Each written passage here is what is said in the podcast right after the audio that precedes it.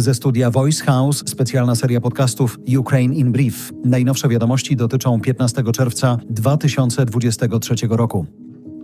Nowa rezolucja Europarlamentu wzywa NATO do zaproszenia Ukrainy do sojuszu. Posłowie oczekują, że akcesja rozpocznie się po zakończeniu wojny i zostanie pomyślnie zakończona tak szybko, jak to możliwe. Parlament podkreśla, że integracja Ukrainy zarówno z NATO, jak i z Unią zwiększyłaby bezpieczeństwo regionalne i globalne.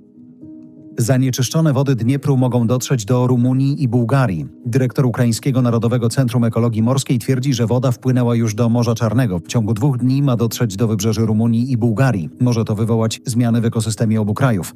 Przyczyną zanieczyszczenia wody w Dnieprze była powódź po wybuchu tamy w Nowej Kachowce. Rosja nie zbuduje ambasady w Australii. Australijski parlament przyjął ustawę, która ma uniemożliwić Rosji wzniesienie nowego budynku. Powodem mają być kwestie bezpieczeństwa. Rosyjska ambasada miała stanąć w pobliżu siedziby australijskiego parlamentu.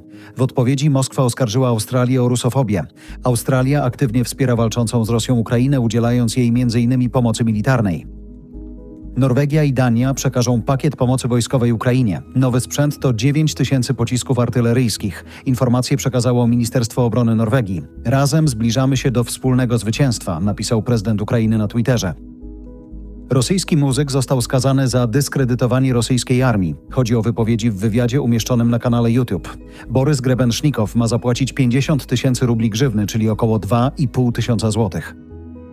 Rosja chce wprowadzić sztuczną inteligencję do urzędów. Według prezesa rosyjskiego banku jej największą zaletą będzie to, że nie zażąda i nie weźmie łapówki. Sztuczna inteligencja miałaby podejmować decyzje administracji publicznej związane z analizą danych. Jedyną przeszkodą dla rozwoju tej technologii w Rosji są obecnie ograniczenia sprzętowe. Kolejne wydanie Ukraine in Brief w nocy z niedzieli na poniedziałek. Ten tekst został przygotowany przez redakcję Voice House. Do nagrania użyliśmy sztucznej inteligencji wykorzystującej głos Jarosława Kuźniara.